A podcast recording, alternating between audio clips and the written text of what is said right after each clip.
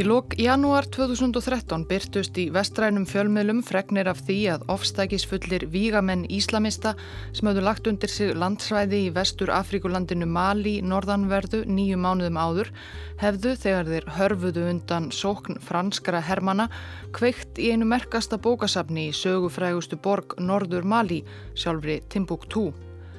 Með því hefðu þúsundir ef ekki tugþúsundir ómetanlegra íslamskra miðaldahandrita brunnið til kaldra kóla og lýsanlegur missir fyrir menningararf Mali og heimsbyðarinnar allrar. En það átti eftir að koma í ljós ekki lungu síðar að þessi saga var ekki svona einföld og alls ekki allsönn. Því eins og við þekkjum úr meistaranum og margarítu þá brenna handrit ekki.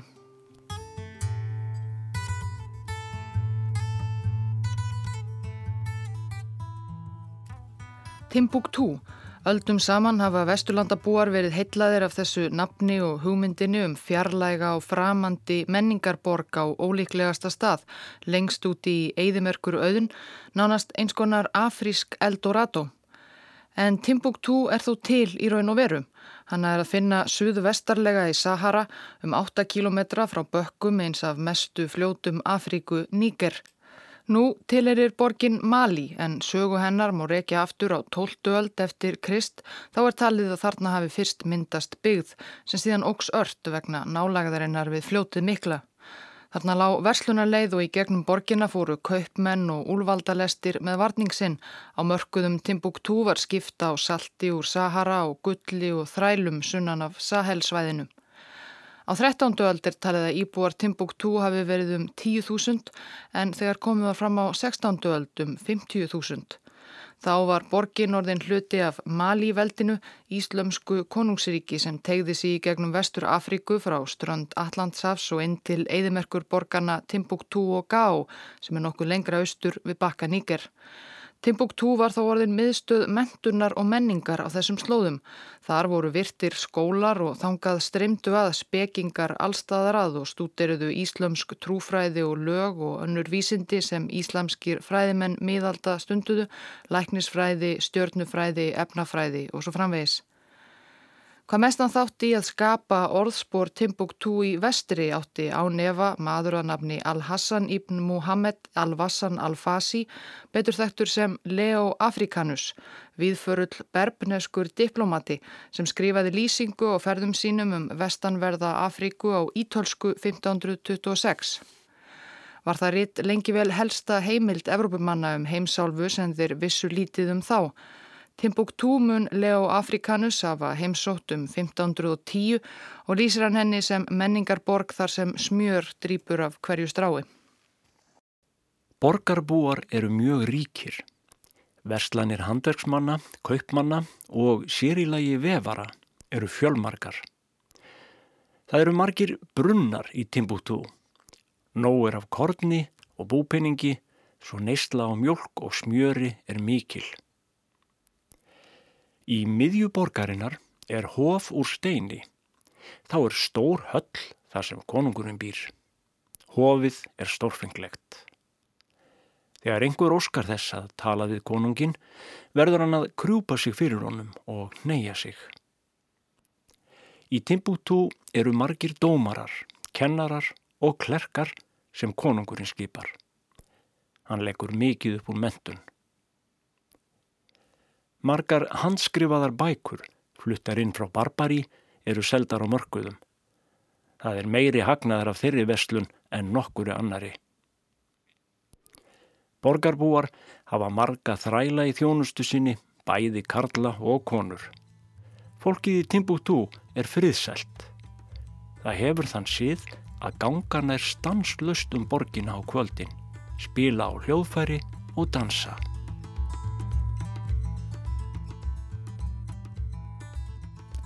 Mögnuðlýsing Leo Afrikanus satt í Evrópumannum og með tímanum magnaðist hún og tók á sig góðsagnakendar myndir. Timbuktu varð ekki bara verslunar borg langt út í Eidimörkinni heldur sönn gullborg á hjara veraldar. Það rendi lengi stóðum undir þá ímynd að engin Evrópumadur hafi komið til borgarinnar. Afrika öll var auðvitað Evrópubúum óskrifað blað lengi en þegar evróskir könnuðir og fræðimenn fóru að gjóa augunum á afrísku eigðuna og landakortum þeirra á átjándu öld var það ekki síst Timbuktu sem þeir hugsuð um. Fyrstu tilraunir Evrópumanna til að finna borgina voru þó ítla lukkaðar. Djarfir, breskir og franskir könnuðir lendu í ílskeittum innfættum, vesluðust upp af malaríu eða hurfu í frumskói eða eðimörk áður en þeir gáttu svo mikið sem eitt Timbuktu. Skotin Mungo Park komst að líkendum til Timbuktu fyrstur Evrópumanna um 1805 en dó á heimleðinni. Landi hans Gordon Leng komst til borgarinnar 1826 en var myrtur af innfætum ekki löngu síðar. Loks var það ungur frakki René Kaye sem komst til Timbuktu í dulargerfi muslima 1828 og lifandi heim aftur. Borgin stóð ekki undir vendingum mínum, orðaði frakkin ungi það í ferðadagbók sína og lísti svo ómerkilegri þyrpingu láreistra leirhúsa sem væru alls ekkert í frásögur færandi.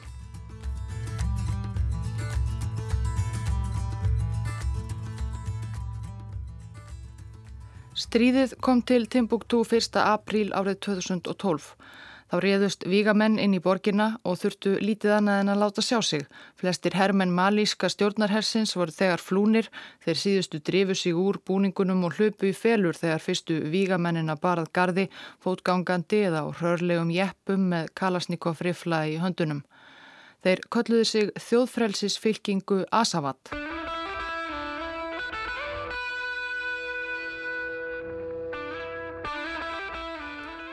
Í janúar þetta sama ár 2012 hafðu túarekar í norðanverðu Mali gert uppreist gegn malískum stjórnvöldum, ekki fyrsta sinn.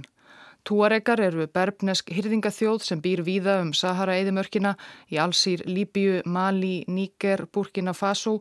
Túarekar hafa sjálfnast kert sig mikið um landamæri sem sjástjú ekki í sandflæminu. Af þeim fjölmörgu þjóðum sem byggja landið Mali eru túarekar aðeins lítill minnihluti en þeir eru þó fjölmennir í norður hluta landsins sem er að mestu þakin eðimörk og þar sem Timbuktu er að finna. Og þar hafa þeir lengi eldað grátt silfur við malísk stjórnvöld í suðri hverja stjórn þeir hafa lítinn áhuga á að lúta. Túarekar í Mali hafa því lengi barist fyrir sjálfstæði heimalandsins, eðimerkurinnar, sem þeir kalla Asavat á eigin tungu. Á tíunda áratug síðustu aldar logaði Norður Mali í uppreist aðskilnaðar sinna Tuarega sem loksvarbundin endi á með friðarsamningi 1995. Hyrðingjarnir í norðri voru þá til friðs um hríð en svo voru það atbörðir utan landamæra Mali sem kveiktu aftur í púðurtununni.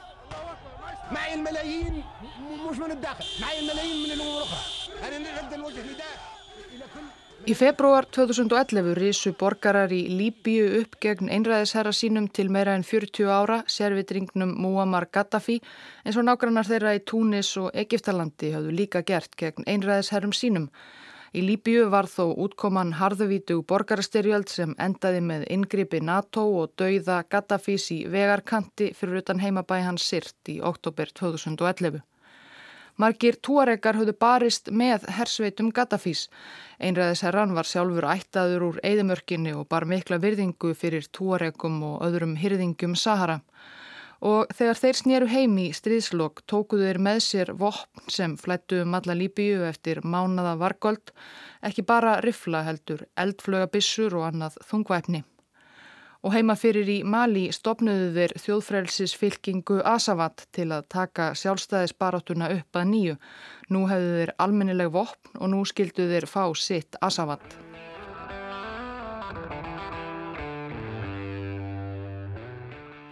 Styrkur túaregana og vopnabúr komu malískum stjórnvöldum í opna sköldu. Janúar, februar og mars lagði þjóðfrælsisfylkingin undir sig hvern bæin í norður Mali og fætur öðrum. Suður í malísku höfuborginni Bamako ríkti ringulreið. Herin stifti fórsetanum Amadou Toumani Touré af stóli í marslokk en herfóringum gekk ekki mikið betur að ráða niðurlögum uppreysnamannana. Á þremur dögum fjallu þrjár helstu borgir Norður Mali í hendur þeirra hver á eftir annari, Kítal, Gá og Loks þann 1. apríl, Timbuktu.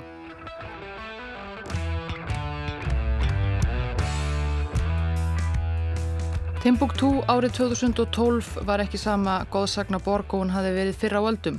Þegar þarna var komið sögu var Timbuktu bara einn brúnleitur bærin af mörgum í söndum norður Mali, ekkert sérstaklega merkilegri en aðrir.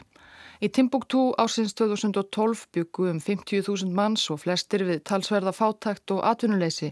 Lífsbaráttan er hörð í eðimörkinni. Eitt hafði borgin þó, það var sagan og arfleiðin svo óáþreifanlega en einnig svo áþreifanlega. Fræðimennir sem hafðu stúderað lögspeki og stjórnufræði og allt þar á milli í Timbuktu miðalda hafðu látið eftir sig fjöldanallan af handritum og Timbuktu búar hafðu alltaf í gegnum aldirnar lagt sér fram um að geima þessi handrit og gæta þeirra. Handrit hafðu alltaf verið dýrmætt í Timbuktu eins og Leo Afrikanus lísti á 16. öld þegar verslunin með bækur og handrit var svo arðbærasta í borginni. Þetta voru bækur sem rötuðu til Timbuktu með þeim fjölmörgu fræðimönnum og klerkum og kaupmönnum sem lögðu leið sína þangað á gullaldartímanum á 16. öld frá Arabíu, Egiptalandi og Andalúsiu og þetta voru rétt skrifuð í Timbuktu á pappir frá Fenegjum innböndin inn í geita eða úlvaldaleður. Kóranar, önnur trúaritt og lögspeki en líka ritt um sagfræði, læknisfræði, stjórnufræði, efnafræði, þýðingar á forngrískri, heimspeki og visku, flest á arabísku en sum hver á afrískum málum innfættra, bambara, songhæ, túaregamálinu, tamasjek og fleiri tungum. Þeir sem ekki skrifuðu sjálfur sönguðu að sér rítum í stórum stíl. Íbúar Timbuktu til forna voru fróðleiksfúsir og bóka sjúkir og voru það áfram jáfnvel þó að gullöld borgarinnar sem fræðamiðstöð liði á endanum undir lok. Timbuktu búar höfðu gætt handritana sinna í gegnum hvað sem á döndi, falið þau þegar Marokko lagði undir sig malíska songhæveldið undir lok 16. aldar og kæfðu þar alla mentamenningu og þeir hefðu dustað af þeim þegar marokkumennir hurfu loks á braut aðeins til að þurfa að fela svo handritin aftur þegar frakkar lögðu undir sig stóran hluta vestur Afríku í lok 19. aldar og allt annað en franska og frönsk menning var dæmt ómerkilegt og torkennilegar skruttur á útlensku litnar hortnöga. Þegar Mali fekk sjálfstæði frá frökkum 1960 voru geimslur, kjallarar og ris húsa í Timbuktu full af bókum, rík og sandföllnum rítum um allt milli himins og jarðar sem sum voru alltaf 500 ára gömul. Ekki síst líklega skrauf þurru eidimörkur loftslæginu að þakka að þau varðveittust yfir leitt. Á áttunda áratögnum fór menningarstofnun saminuð þjóðana UNESCO að vinna því með henni ný sjálfstæðu þjóð að varðveita handrita arf Timbuktu. Ahmed Baba stofnunin, nefnd eftir rómuðum Timbuktúskum fjölfræðingi á 16. öld, var stofnuð með fjárstuðningi frá ólíu auðugum Araparíkjum við Persaflóa til að geima handrit varðveita þau og skrá. Útsendarar stopnunarinnar ferðuðust um Timbuktu og nákvæmni til að telja fólk á að afhenda handrit sín, fjölskyldu dýrmætin, stopnuninni til varðveislu og með tímanum eignaðist hún næstum 30.000 handrit. Ekki voru þó allir samfunnu þýðir, allra síst er fjölskyldur sem áttu stærstu bókasöfnin og hefðu gætt þeirra kynnslóðum saman, mann fram af manni og gáttu ekki séð af þeim í hendur hins ofinbera. This book is about poetry. It's about poetry. Poetry. The author is using local languages. Aðtekli heimsbyðarinnar á þessum handrita söpnum var vakin undir lok tíund áratugurins. Þá ferðaðist bandarískur bókmentafræðingur Henry Louis Gates til Timbuktu til að gera heimildatháttum menningu borgarinnar. Það sem kveikti áhuga Gates, sem er einhver þekktasti svarti bókmentafræðingur og fræðimæður bandaríkjana, var ekki sísta Timbuktu-handritin afsönnuðu svo rækilega lífsegan miskilling eða fordómafulla mítu kvítra vesturlandabúa að afrískar þjóðir hefðu ekki skapað neinar ritaðar heimildir til að talum fyrir komu Evrópumanna til álfunar sem í augum ritmáls sjúkra Evrópumanna jafngildi í raun lengi að Afríka ætti sér enga sögu og enga menningu sem verðt væri að minnast á. Sjónar mið sem þóttu eðlileg hjá breskum sakfræðingum allavega langt fram á 20. stöld. Árið 1963 let Hugh Trevor Roper, sakfræði professor í Oxford, til dæmis hafa eftir sér að saga Afríku væri bara saga Evrópumanna í Afríku. Restinn væri myrkur. En Timbuktu handritin síndu það bersinilega að þar lengst inn í afrískri eðimörk hafi dapnað blómlegt fjölbreytt menningarlíf á meðan það var í raun Evrópa sem var í klóm myrkurs miðaldana. Innblásinn af kinnum sínum af Timbuktusku skruttunum fór Gates heim og treyði nokkrum stórum bókafjölskyldum borgarinnar fjármagn frá bandarískum góðgerðasjóðum og stopnunum til að stopna eigin bókasöfn utanum eignir sínar svo að gera mætti þau aðgengileg og tryggja framtíð þeirra. Smátt og smátt varð Timbuktu þessi forna menningarborg sem var löngu orðin afskjagt og ómerkileg og reikfallin að borg bókasafna.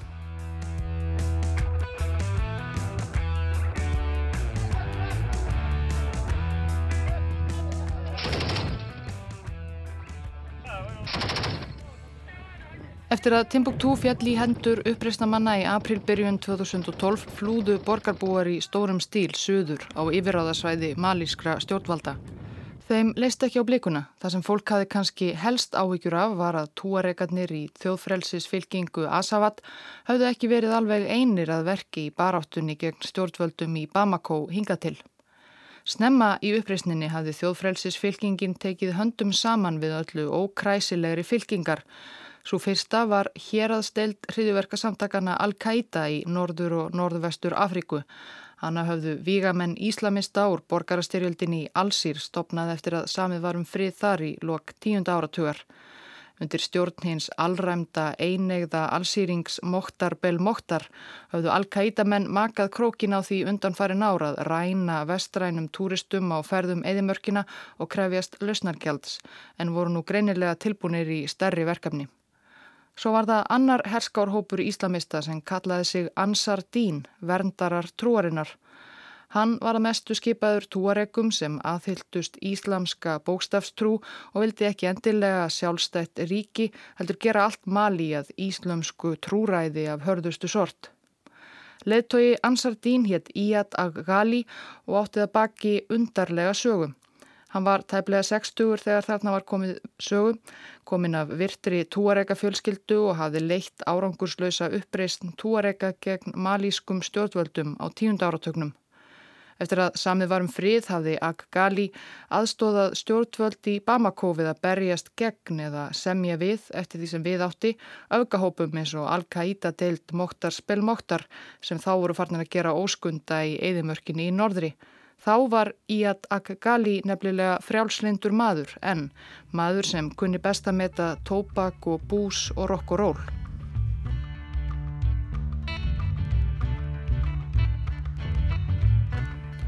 Þó að túareikar séu hefðinni samkvæmt hyrðingjar sem líða um eðimörkina á úlvöldum, klættir sínum heiðbláu kuplum og eigi sér hverki fastan samastað þá eru þeir í dag ekki síst þekktir fyrir að vera unnendur ramagsskítarsins.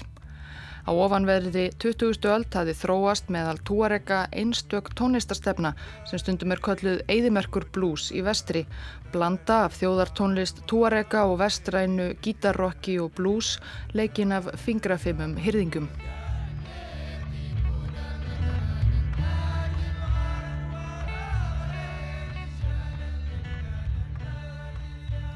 Fyrsta Eðimerkur bluesbandið sem vakti alþjóðlega aðtegli, Tínari Venn, voru gamlir vopnabræður Ag Galís. Hann hafði sjálfur komið að rekstri tónlistarháttíðar sem var um skeið haldinn árlega í Eðimörkinni ekki langt frá Timbuktu. Eðimörkur blues unnendur komu hvaðanæfa að úr heiminum til að berja augum fremstu rockara Sahara og meira segja Bono og Robert Plant tróðu þar upp einhvert árið. En svo á árunum eftir aldamót hafði Iyad Aghali komist í kynni við klerka frá Pakistan og Arabíuskaga sem ferðuðust um hinn íslamska heim líka til Timbuktu til að breyða át harðuneskjulega íhaldsama og herskáa tólkun sína á íslamstrú og endanum hætti í að Agali að reykja og drekka og hlusta á rock og alla aðra tónlist og hann skipti litríkum jakkafötum út fyrir kubla og let sér vaksa skegg og á endanum stopnaði hann Ansardín, verndara trúarinnar, til að berjast fyrir með vopnum, trúræði og sjarjalögum í heimalandi sínu.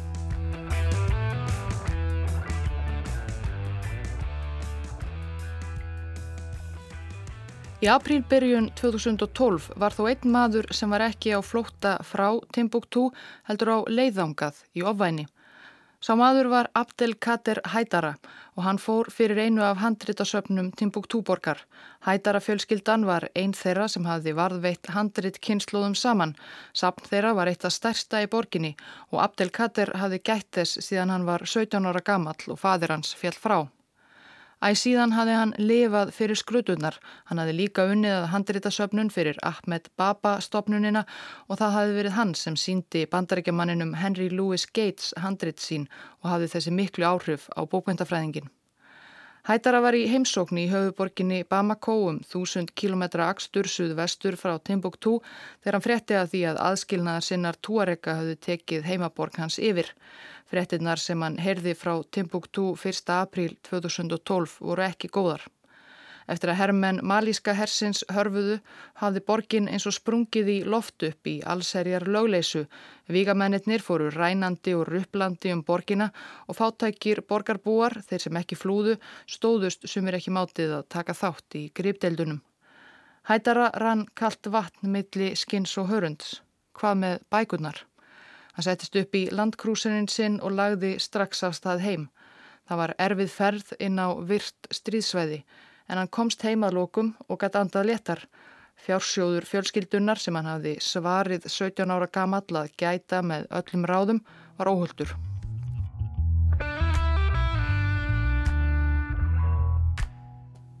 Dægin eftir að vígamenn þjóðfrelsisfylkingar Asavat tóku yfir Timbuktu fylgdu bandamenn þeirra í Ansar Dín, íslamista fylkingu fyrverandi rokkarans eða meintir bandamenn samhugurinn risti grund. Þegar Iyad Akgali og Móttar Bel Móttar barað gardi skipuðu þeir þjóðfrælsisfylkingunni að yfirgefa borgina. Þeir mættu eiga sveitirnar fyrir utan en Timbuktu sjálf skildi tilheyra þeim. Þeir höfðu herra og áttu enn meiri vopn. Svo að litríkur fáni Asavats, græn, rauður, gulur og svartur fekk að víkja fyrir allsvörtum fána íslamista. Vígamenn Ansardín, drifnir áfram af trúarhitta og óvægnu regluverki trúarsinnar, voru agaðri en hinnir veraldlegu aðskilnaða sinnar Asavat og þeir voru fljóttir að binda enda á gripdeldar öldina og koma lögum og reglu á í borginni fornum.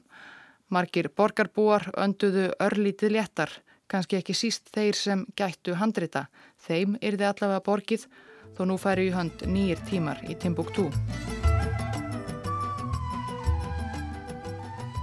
Svo Íslamstrú sem yfguð hefur verið í Timbuktu hefur yfirleitt verið fremur frjálslind og opinn, ekki óvægin bókstafstrú arabísku eðimerkurinnar sem Iyad Akgali þó heitlaðist af. Súfistar, dulsbyggingar, elskir að tónlist og víni hafa þannig lengi verið áhrifamiklir í vestanverðri Afríku, Timbuktu ekki síst. Þegar Ansar Dín og félagar fóru að bera út bókstafstrúar bóðskapsinn í Timbuktu fussuðu klerkar borgarinnar. Hvað þykist þið geta sagt okkur um Íslam, borginni sem hefur gætt íslamsks menningararf sínar í þúsund ár? En nýju borgarstjórarnir letu slíkt sem vindum eiru þjóta. Þeir skipuðu börum borgarinnar að hella niður öllu áfengi. Þeir bönnuðu alla tónlist, meira segja ringitóna í farsímum. Konur urðað hilja sig slæðum og kallmenn sumi leiðis að gæta siðsemi í klæðaburði. Trúar lögregla vopnuð svipum úr úlvaldarleðri sáum að framfylgja því.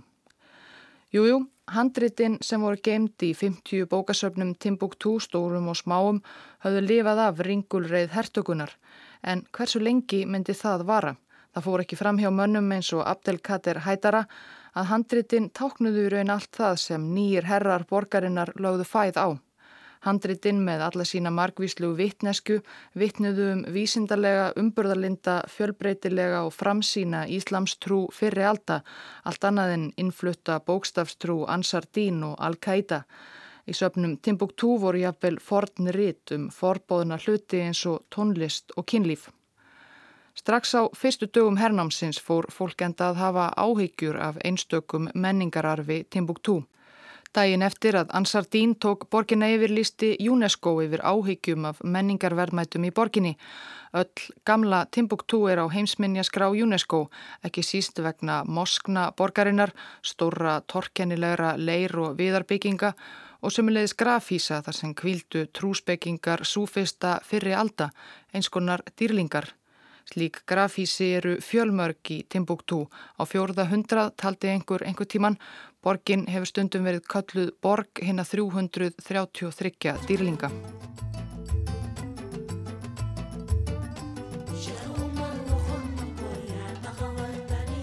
En dýrlingadýrkun er fyrirlitin af harðlínumönnum eins og Ansardín og ekki löngu eftir að þeir náðu völdum fóru þeir að brjóta niður gömul steingrafhísi og eidilegja, vopnaður hökum og kúbeinum.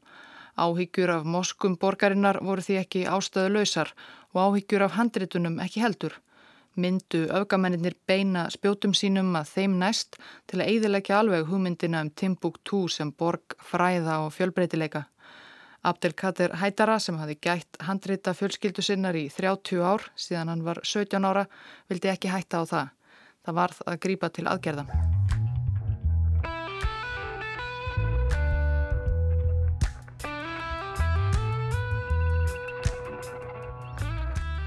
Sagan er svona, ekki laungu eftir að Íslamistarnir tóku Timbuktu yfir í byrjun mæ bóðiði Hætara til fundar helstu bókavarða borgarinnar. Þeir voru allir samála, það yrði að grípa til aðgerða.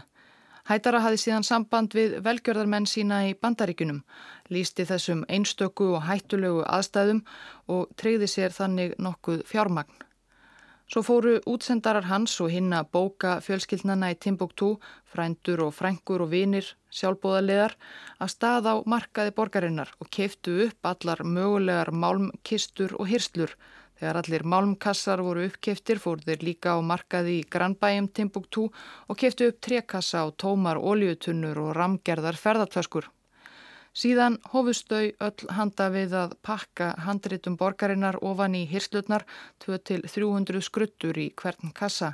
Svo lítið bæri á því trúarlauragla Ansar Dín fyldist með öllu grunnsamlegu aðtæfi í borginni yfirleitt að næturlægi þegar Timbuktu var myrkvuð því Íslamistarnir slögtu á ramagninu á kvöldin með vasaljós og varlega því þetta voru jú viðkvæm ritt frá 18., 16., 12. öld þau allra eldstu. Síðan voru kassarnir fluttir líka leinilega að næturlægi. Flestar fjölskyldurnar sem heldu út í enga bókasöfnum út í bæ fluttu bækur sínar aftur heim, aftur niður í kjallara eða upp í geimslu eins og hefð var fyrir þegar innrásar herr barað gardi í Timbuktu. 24.000 handritum hinnar ofinberu Ahmed Baba stopnunar var líka komið fyrir í örugum geimslum. Þetta tók allt saman tvo mánuði. Þegar komið var fram í miðjan júli var Ahmed Baba stopnunin tóm og ekki setna vætna því ekki löngu síðar réðust vígamenn Ansar Dín þangað inn og fóru að nota húsakinni stopnunarinnar sem vopna og byrðageimslu. Þegar leið á sumarið 2012 höfðu uppreysna mennlagt undir sig talsvert landsvæði í norður Mali og Ansar Dín og vinir þeirra í Al-Qaida nær alveg ítt veraldlegum aðskilnaða sinnum í þjóðfrælsisfylkingu Asavat til hliðar. Öfgamennir við stjórnvölinn í Timbuktu orðu líka verri og verri. Trúarlauraglann síndi enga miskun. Konur voru hittar harkalega á götu fyrir ósæmilegan klæðaburð, útlimir hognir af grunuðum þjófum og opimberar aftökur voru tíðar. Til að gera alveg út af við bölið tónlist fóru vígamenn hús úr húsi og kveiktu í hverjum ramagsskítar eða magnara sem fannst. Bærin fyltist af ungum skeggjuðum öfgamönnum sem komi víða að til að taka þátt í myndu heilugu stríði Ansardín. Eftir að hafa pakkað bókasafni sínu niður í stálkassa og komið í fyrir í geimslu hafði Abdelkader Hætara farið söður til Bamako, flúið sömu leið og svo margir íbúar Norður Mali gerðu undan ofstæki í vígamannana. En hann var þó ekki í rónni. Eftir því sem leið á sumar og fréttinnar frá Timbuktu urðu hryllilegri og skemdarverk á grafísum borgarinnar fleiri var þann hrættur um að það væri ekki nóg að hafa komið handritunum fyrir í kössum og geimslum. Það erði að koma þeim út úr borginni á yfiráðasvæði malískra stjórnvalda. Hætara hófst ásamt öðrum handa við að undirbúa aðra björgunaraðgerð en erfiðari og leinilegri en þá fyrri. Vegakerfið í Mali var ekki upp á marga fiska og það gætt tekið marga daga að skrölda alla leiðina millir Timbuktu og Bamako á friðartímum. Nú var leiðin að auki allsett varðstöðum bæði uppreysnarmanna og stjórnarhessins þar sem vopnaðir menn leituðu í öllu og tortrygðu allt og ástandið var bara verra eftir því sem á leið. Hversu margar ferðir myndi það taka að ferja öll herluheitin yfir? Hverjir átt að sjá um það og hvernig? Hvar ætti að geima handritin í Bamako og hver er þið kostnaðurinn?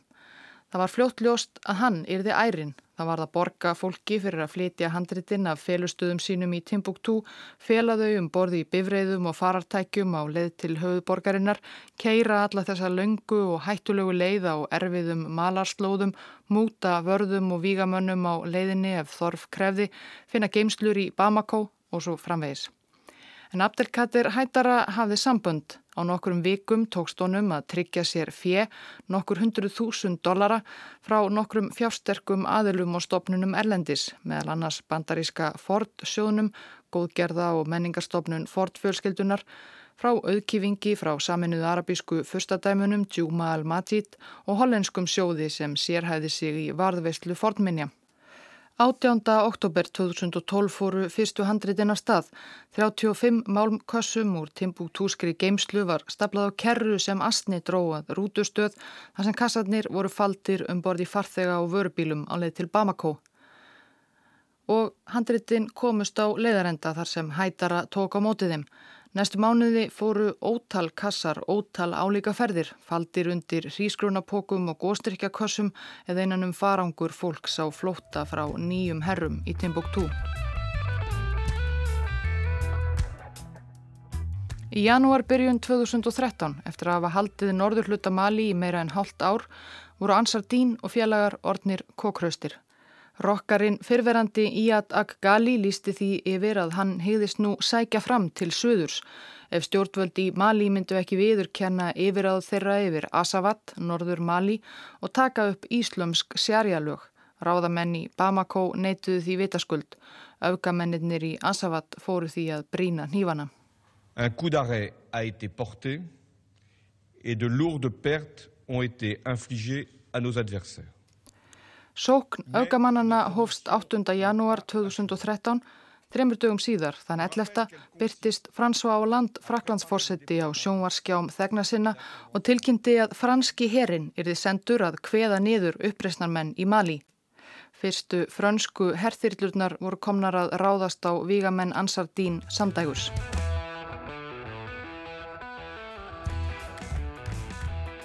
Það var komið fram í janúar og bókaverðir Timbuktu höfðu sendt fjölda bóka til Bamako.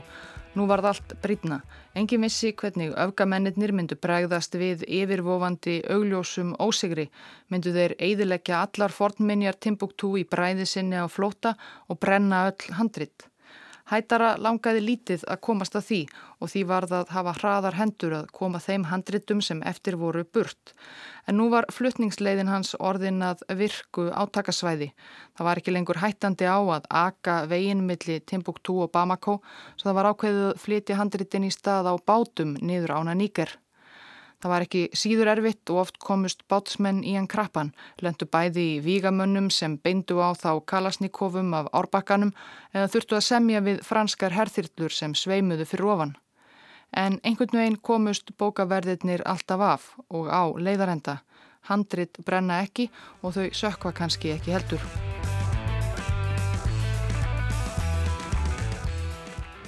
Ansardín og félagar hafðu kannski verið döglegir að hýða fólk og höggva af þeim útlimi en það var fljótt ljóst að þeir stóðust franska hernum ekki alveg snúning. Eftir 20 daga hernað höfðu frakkar og malískýr bandamenn þeirra náð öllum helstu borgum og bæjum norður Mali. Þar á meðal Timbuktu sem fjall í hendur þeirra 20. og 7. janúar. Það var þá sem frettinnar sem vísað var til í upphafi þessa þáttar byrtust um að hörfandi vígamenn hefðu kveikt í helstu bókasöpnum borgarinnar sögufrægu. Það sem fáir vissu þá var að öll helstu bókasöpn Timbuktu hafðu þá löngu verið tæmt nær algjörlega, gerðsemar þeirra örugar í geimslu í Bamako.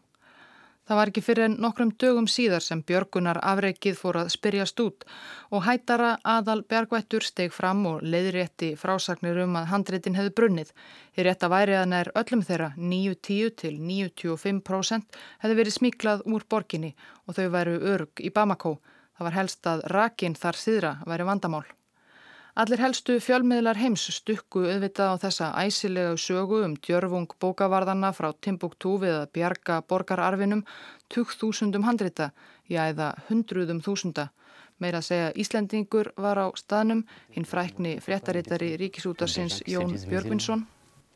Ómetalagur menningararfur sem íbúar hér í eðimörkinni reyna af litlum efnum að varðveita og endurreita eins og afar þeirra og langafar hafa gert um aldir. Á síðustu árum hafa svo komið út ótal bladagreinar og svo nokkrar bækur um Timbuktu handritin og sögu þeirra, skiljanlega.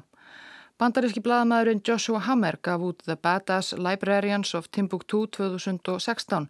Önnur bók kom út ári síðar, The Storied City eftir breskan bladamann Charlie English.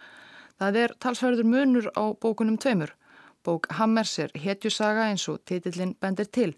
Frásögn Englis af atbyrðunum í Timbuktu 2012 og 13 er öllu flóknari.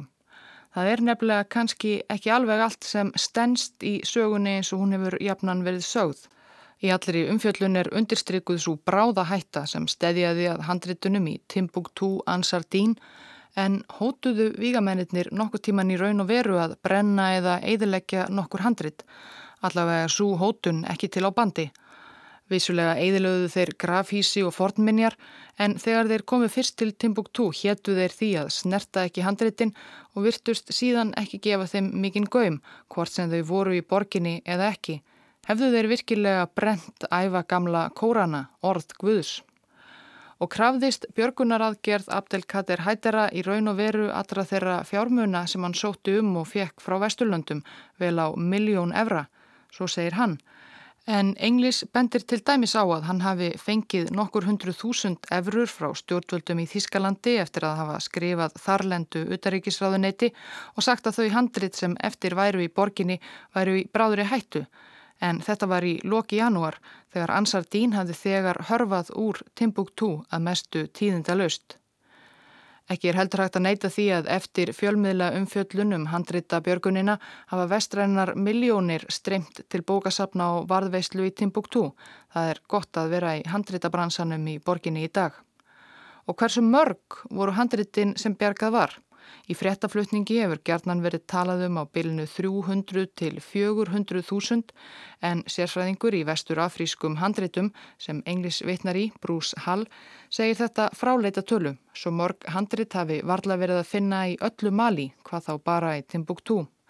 Ef til vill hafi hættar á félagar bjargað einhverjum þúsundum handrita, kannski tugþúsundum, en ímislegt bendir líka til þess að fjölmörg handrit í enga eigu hafi hverki farið verið trygg í geimslum á enga heimilum í gegnum allt saman.